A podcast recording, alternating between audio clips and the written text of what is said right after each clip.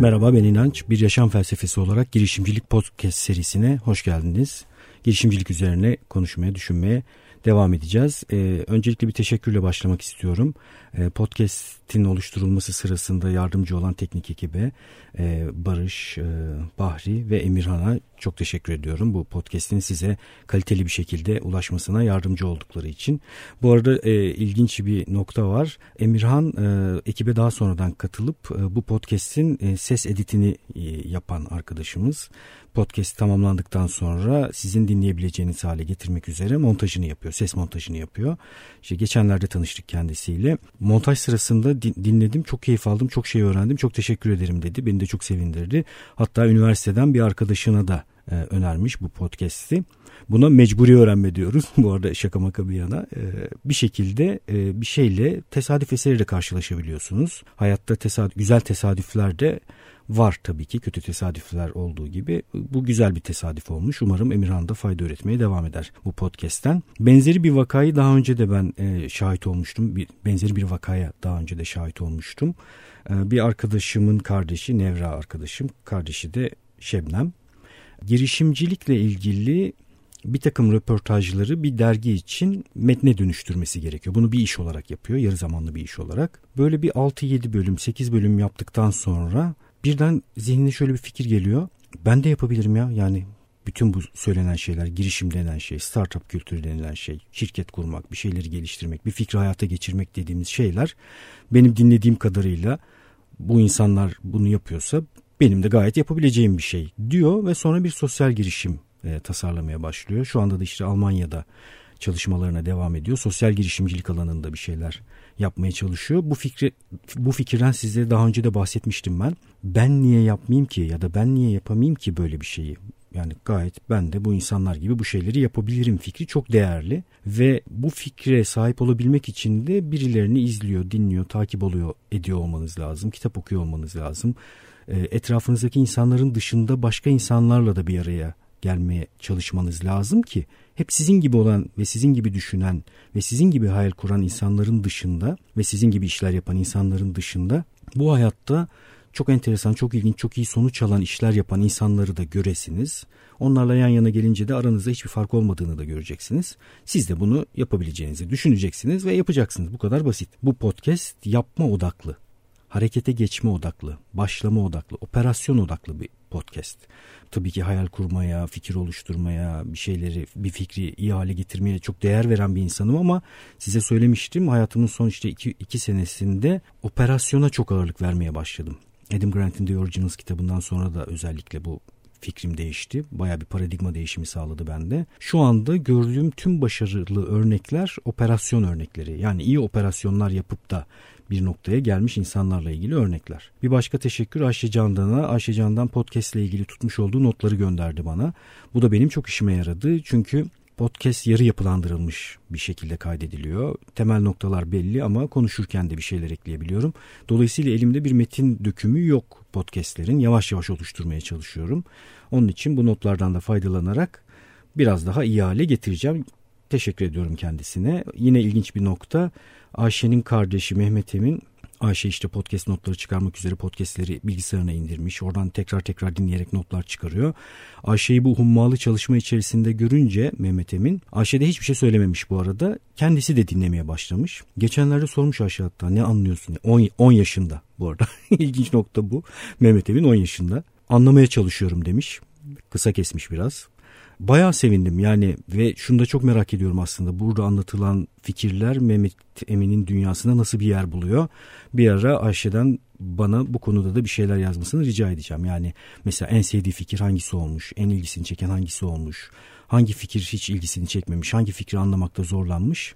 Daha sonra bununla ilgili bir takım bilgiler gelirse de size de e, bildireceğim, haber vereceğim. Ee, podcast ile ilgili e-postalar geliyor. Ee, çok teşekkür ediyorum e-postalar için. Yani bir insanın e, podcast'i dinleyip benim e-posta adresimi zihninde tutup ya da bir kenara not edip sonra işte bir e-posta programı açıp onu kopyalayıp oraya bir şeyler yazması büyük bir iş. Ve bu büyük işe kalkışanları cesaretleri e, ve beni motive etme etmek için gösterdikleri çaba adına ayrıca e, tebrik ediyorum ve teşekkür ediyorum onlara. E, başka gelen e-postalar da var. Yavaş yavaş onlardan da bahsedeceğim. Uğur İzmir'den yazmış. Bir edebiyat öğretmeniydim demiş. İşte uzun yıllar 12 sene kadar edebiyat öğretmenliği yapıp sonra da bir yandan da geleneksel e, savaş sanatları, dövüş sanatlarıyla da uğraşan birisiymiş. Orada aldığı, spor sırasında aldığı keyfi edebiyat öğretirken almadığını fark etmiş ve bir şekilde bir tekvando okulu kurmuş. E, böyle bir cesaret göstermiş. Şimdi bayağı şampiyon sporcular yetiştiren bir spor salonu haline gelmiş. Şimdi ikinci salonunu açarken podcast'teki bir takım fikirlerin onun hayatını kolaylaştırdığını söylüyor. Ee, tebrik ediyorum böyle bir cesareti gösterdiği için kendisini. Benim yine daha önce söylediğim vakalarla çok örtüşüyor. Faaliyet en nihayetinde o kadar önemli olmayabilir. Bunu defalarca konuştuk. Daha önceki işte işe bakışla ilgili üçlü ayrımı da söylemiştim. İşe iş olarak ve para kazanmak aracı olarak bakabilirsiniz. Kariyer olarak bakabilirsiniz. Ya da bir tutku olarak bakabilirsiniz. Ve bu aslında faaliyetten de bağımsızdır diyerek hastanede temizlik yapan temizlik görevlileriyle ilgili araştırmadan bahsetmiştim size e, aynı işi yaptıkları halde kimisi sadece para aldığı bir iş olarak bakarken kimisi tutku haline getirmişti bu işi. Öğretme ile ilgili bir tutkusu var Uğur'un e, ve edebiyat öğretmek için bir sistemin içerisinde bulunması gerekiyor. Ve bu sistemin içerisinde hoşlanmadığı, haz etmediği bir takım durumlarda yaşamak durumunda. Bunun yerine kendisi bir sistem kurarak yine öğretme işinin içerisinde kalmayı tercih etmiş dövüş sanatları, e, savunma sanatları, geleneksel savaş sanatları öğretirken de hayatla ilgili her şeyi öğretebilirsiniz. Yani faaliyet onun için önemli değildir bence. Boya öğretirken, boya yaparken, alçı sıva yaparken eğer hakikaten okuyan, öğrenen biriyseniz başka birisine duvar sıva, sıvama öğretirken de bir sürü şey öğretebilirsiniz. Faaliyete o kadar takılmamak gerekir diye düşünüyorum. Önemli olan hayatta kendi amacınızı, tutkunuzu bulup keşfedip bir şekilde bunu o şeyin içerisine giydirebilmek diye düşünüyorum. E, hemen bu spor salonu ile ilgili de aklıma birkaç fikir geldi. Uğur din, dinliyorsa şunu öneririm kendisine. Kızıl Okyanus ve Mavi Okyanus'tan bahsetmiştik. Kızıl Okyanus nedir? Bir şeyleri herkesin yaptığı gibi yapmaya çalışmak. Böyle bir şey yaptığınızda piyasa koşullarına mahkum oluyorsunuz. Yani diyelim bir takım spor salonları var. Siz de 10 bininci spor salonunu açmaya kendinizi odakladıysanız işiniz daha zor. Çünkü spor salonlarına ödenen bir takım ücretler var ve insanlar bir takım spor salonlarını tercih ediyorlar ve oraya gidiyorlar. Siz de o yığının içerisine girmeye çalışıyorsunuz demektir. Mavi Okyanus neydi? Kendi alanınıza, ürettiğiniz ürüne ya da hizmete çok radikal bir değer eklerseniz eğer diğerlerinden ayrışmaya başlarsınız. Ben hızlıca düşündüm tabii ki ama neden olmasın mesela bir tekvando salonunda diğer salonların hayal bile edemeyeceği kalitede duşların olması. Yani böyle girdiğinizde sizi hayrete düşürecek, beklentilerinizi aşacak, şaşıracağınız, yani belki de çok lüks evlerde bile bulunmayan kalitede, temizlikte ve konforda bir takım duşların olması. Ben de bir dönem bu arada e, dövüş sanatlarıyla uğraştım. Karate yapmıştım bir dönem genç genç dönemimde, gençlik döneminde. Kahverengi kuşağa kadar da geldim. O sporu yaparken de disiplinle, çalışmayla, kendini geliştirmeyle ilgili bir sürü şey öğrenmiştim. Soyunma odasının ve duşların bu faaliyetleri yapanlar açısından önemli olduğunu biliyorum. Benim aklıma gelen ilk buydu ama ne bileyim işte o spor salonunda çevredeki en güzel çay demlenebilir. Öğrenciler ücretsiz bir şekilde çay içiyor olabilirler. Bir spor salonuna öğrencilere ücretsiz çay vermek çok ciddi bir maddi yükümlülük getirmez, maddi bir yük getirmez. Ama parmakla gösterilir hale gelirsiniz. İnsanlar anlatacak bir şey bulurlar. Onun dışındaki faktörler tabii ki hijyen faktörler. Yani iyi bir antrenör olacaksınız. Zaten o sporu iyi öğreteceksiniz. E, o alanda yapacağınız şeyler zaten kaliteli olacak ama bunun ötesinde bir şeyden bahsediyorum.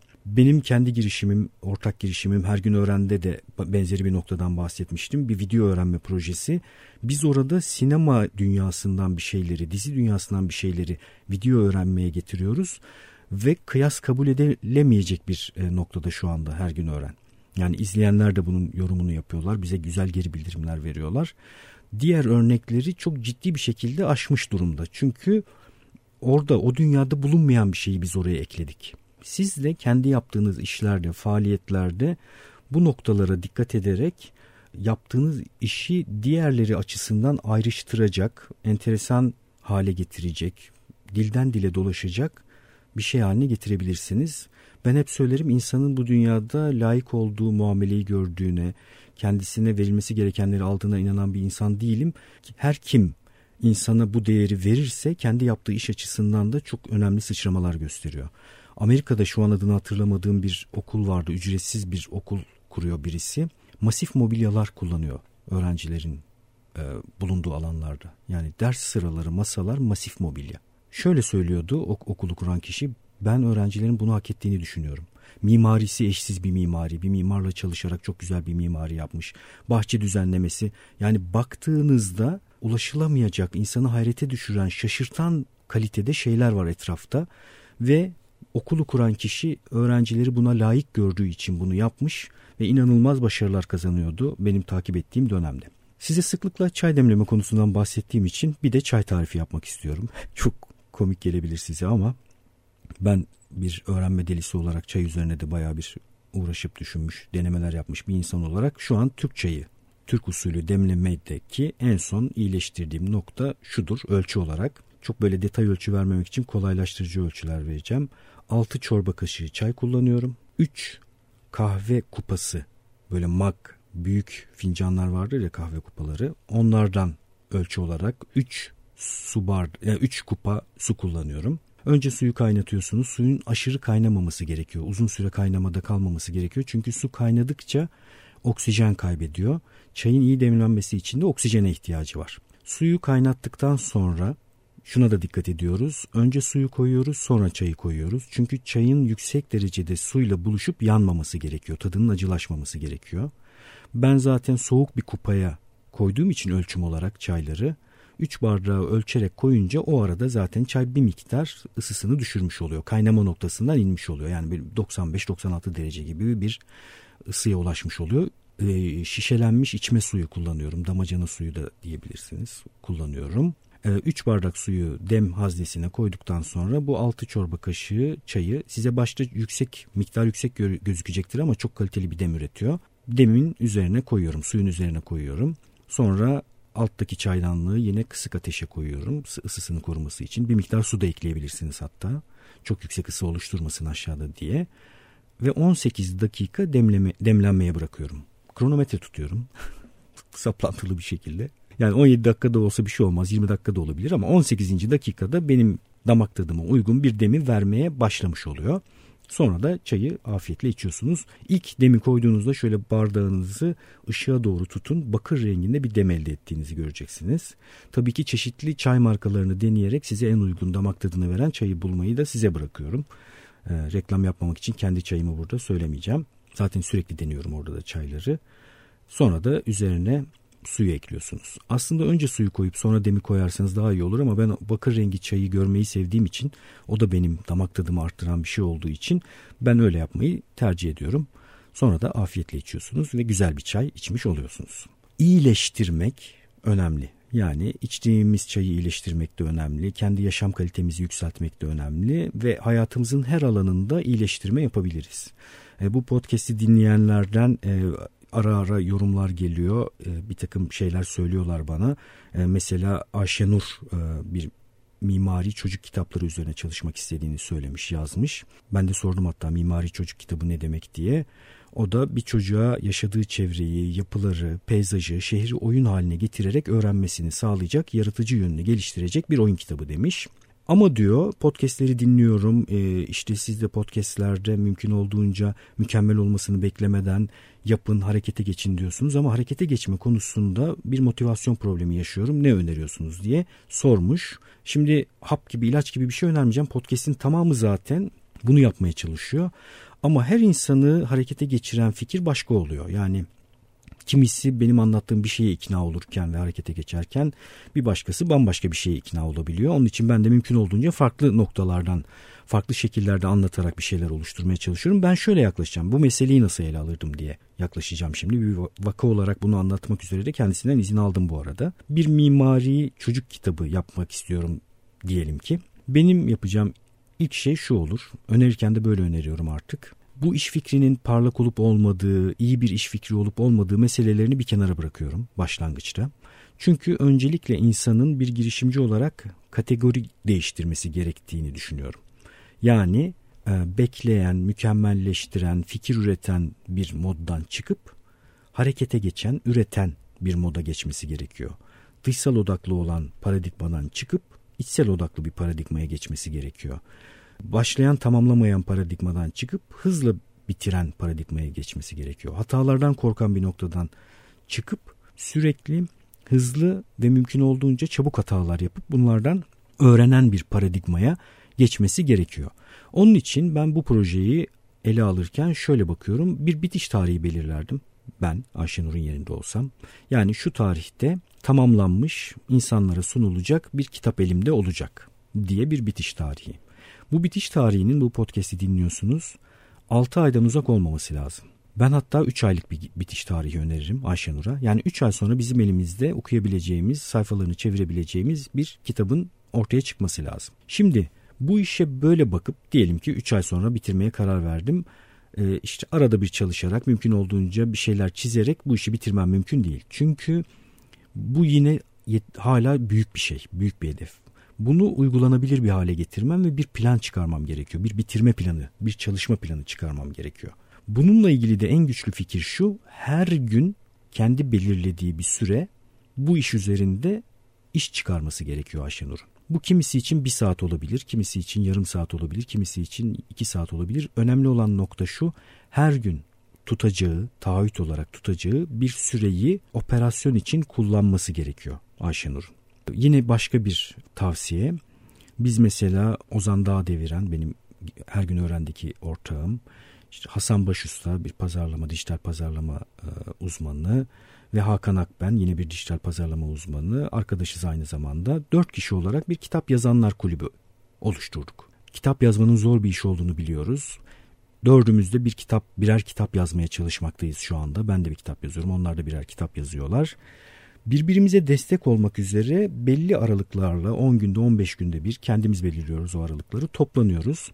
Her toplantının bir üretme miktarı oluyor, çıktı miktarı oluyor. Mesela diyoruz ki 15 gün sonra herkes 10 bin kelime yazmış olacak. Örnek veriyorum şimdi sayılar çok önemli değil. Ya da ne bileyim 20 sayfa yazmış olacak.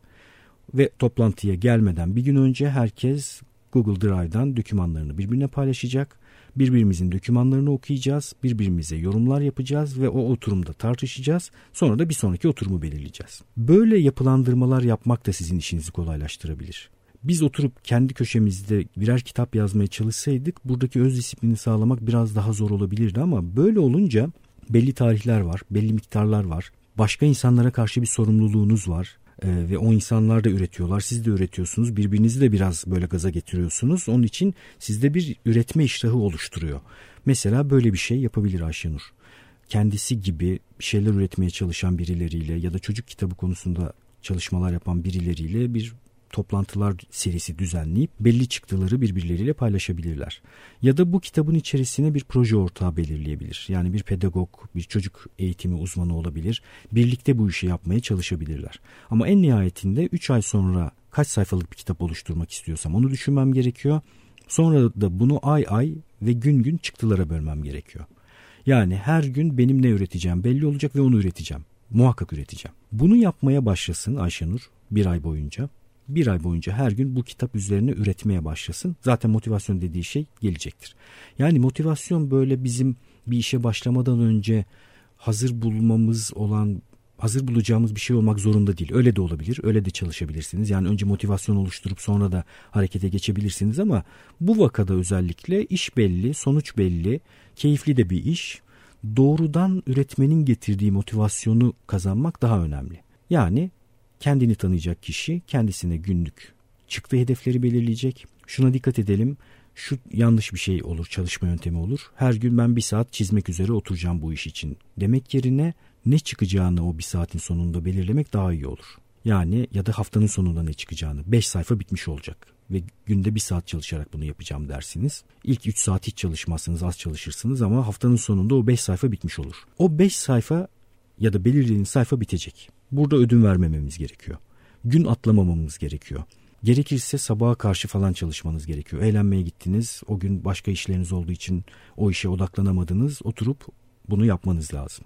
Ben yine kendimden örnek vereyim. Ee, bu podcast serisinden önce blog yazıları yazmaya karar verdim. İnançayar.com'dan ulaşanlarınız var zaten blog yazılarına. Girişimcilik üzerine ve startup kültürü üzerine, bir şeyleri başarma üzerine en az 300 kelimelik blog yazıları yazca, yazmaya karar verdim. Artık operasyon dünyasına geçmiş olduğum için hemen dedim şu tarihte yazıları yazmaya başlıyorum ve her gün yazacağım. Etrafımda bu işi daha önce yapmış olan arkadaşlarım e, sürdürülebilirliğin önemli olduğunu haklı olarak söylediler. Her günün zor bir hedef olduğunu söylediler. Ben de yok dedim.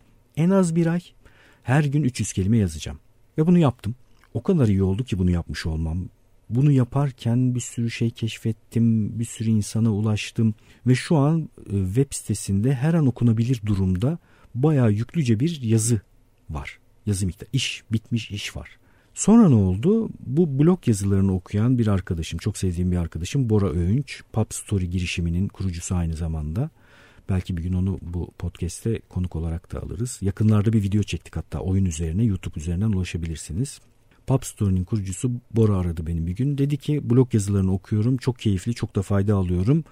Ee, niye podcast yapmıyorsun? Karnaval Radyo şu anda podcast alanında bir açılım yapmak istiyor. Seni tanıştırayım, git görüş podcast'e başla dedi. Tamam dedim. Hiç öyle düşünme falan yok. Tamam yani bunu yapacağım podcast yapacağım. Geldim toplantıya. Oturduk konuşmaya başladık. Haftada kaç gün yapsak iyi olur dedik. Üç gün. Ne zaman başlatabiliriz diye sordum en hızlı. Bir ya da bir buçuk ay sonra başlayabiliriz dediler. Tamam dedim. İlk kayıt günü ne zaman olsun? Bakın ilk kayıt günü ne zaman olsun sorusunu sorarken elimde hazır malzeme olduğu için falan sormuyorum. Kendimi tanıdığım için ve operasyon dünyasını bildiğim için ilk kayıt günü belli olacak. Ben de o işi yapacağım öyle bakıyorum. İlk kayıt gününü belirledik. Ondan sonrası artık bakın benim dışımda işleyen bir mekanizma var. Kayıt günü belli. O kayıt gününe gideceğim. 3 tane 4 tane artık ne kadar olursa podcast kaydedeceğim. Kaydettim. Başladım. Şimdi işte haftada 3 gün podcast kaydı yapıyorum. Haftada 3 bölümlük podcast kaydı yapıyorum. Çok yoğun bir tempo bana kalsa, bana bırakılsa belki aksatabilirim. İşte bir takım iş yoğunlukları nedeniyle aksamalar olabilir. Ama böyle bir mekanizma içerisine kendimi soktuğum için ve bilerek bunu yaptığım için beni operasyona itsin diye şimdi kafamdaki işte sürede işte 6 ay en az sonrasına bakacağız hep birlikte. 6 ay en azından haftada 3 bölüm bir podcast serisini girişimcilik üzerine devam ettirmek yönünde. Bunu da kullanabilirsiniz kendi işlerinizde. Yani kendiniz kendinize bir takım sınırlar siz koymuyorsanız ya da koyamıyorsanız başka mekanizmalar yoluyla bu sınırları koymaya başlayabilirsiniz. Ayşenur yine hemen etrafındaki insanlara bu projeye başladığını ve şu, şu tarihte biteceğini belirlediği tarihi söyleyerek ilan etmeli. E, o da bir e, sosyal baskı oluşturacak. iyi anlamda sosyal baskı oluşturacak. Ve sonra da e, şunu araştırması gerekiyor bir şeyin hayata geçirilmesi sadece Ayşenur'un bir takım çizimler yapması, bir takım metinler yazması ve o kitabı bitirmesinden ibaret değil. Artık bu politikesi dinleyenler bunu biliyorlar. Bir de bu kitabın raflara konması süreci var. Yazılıp tasarlanıp bitirildikten sonra rafa gideceği süre, dağıtım problemi. Çok ciddi bir problemdir. Sonrası büyük mücadele. Yani Ayşenur bu kitabı raflara nasıl koyacağının bir yolunu bulması lazım. Instagram'dan yavaş yavaş panellerini yayınlayabilir. Küçük çizdiği kareleri yayınlayabilir. Ee, insanlara bunu paylaşabilir, sosyal medyayı kullanabilir. Ee, bu süreci tarif edebilir, anlatabilir, blog yazılarıyla anlatabilir. Başka bu konuda çalışan insanlarla bir araya gelebilir ve böyle bütün bunları yapa yapa yapa yapa motivasyon dediğimiz o büyülü kelimeye ihtiyaç kalmayacak. Zaten o işi yapıyor olacak Ayşenur. Ben de takipteyim. Ee, bu kitabın basılı halini görmek üzere Ayşenur'dan bir an önce başlamasını bekliyorum. Yani bir de tabii ki bize bildirir herhalde şu tarihte başlıyorum, şu tarihte bitecek, şu kadar sayfa olacak diye.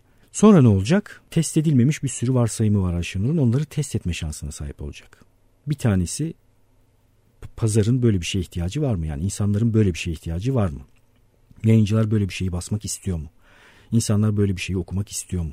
Ayşenur bu işi hakkıyla yapabiliyor mu? Bütün bunları görmüş olacak. Bunların cevabının tamamı hayır bile olsa öğrenmiş olacak. Bir sonraki projesini düşünecek, bir sonraki pazarını düşünecek, bir sonraki üreteceği değeri düşünecek ve başka bir şey yapacak. Ama en nihayetinde hemen yarın bir şeye başlamış olması, her gün yapma, yapması ve belli bir süre sonunda o çıktığı ulaştırması gerekiyor. İşin anahtarı bu. Umarım sizlerin de düşündüğü projeler ve fikirlerle ilgili yol gösterici olmuştur bu paylaştığım şeyler. Ee, bana inanç.fikritesat.com'dan bir e-posta göndererek podcast'in sizin dünyanızda bulduğu yeri bana anlatabilirsiniz. Bu beni çok mutlu ediyor. Sorular sorabilirsiniz, fikir isteyebilirsiniz, girişim fikrinizi paylaşabilirsiniz, öneri isteyebilirsiniz. Elimden geldiğince yardım etmeye çalışırım. Ee, inançayar.com adresinde podcast sekmesinde 15 e, bölüme kadar linkleri ve işte podcast'te adı geçen insanların isimlerini e, yazdım şu anda. Bunu yazmaya devam edeceğim. Oradan takip edebilirsiniz. Bir de e, bir deneye başlayacağımı söylemiştim. İşte podcastlerin yanında video öğrenme, video projeleriyle bir yaratıcılık üzerine ve potansiyeli görme üzerine bir şeye başlayacağımı söylemiştim. Ve bununla ilgili de sizlerle bir iletişim kanalım olmasını istiyorum. Instagram bu kanal olabilir. Şu an Instagram'ı herkesin ekleyebileceği şekilde açık hale getirdim. Ee, Instagram'dan İnanç Ayar hesabını ekleyerek hatta podcast'ten geldiğinizde bana yazabilirsiniz. Bu deneyle ilgili haberdar olabilirsiniz. Orada bilgi paylaşımı yapacağım yakın dönemde. Teşekkürler dinlediğiniz için. Bir sonraki bölümde görüşmek üzere.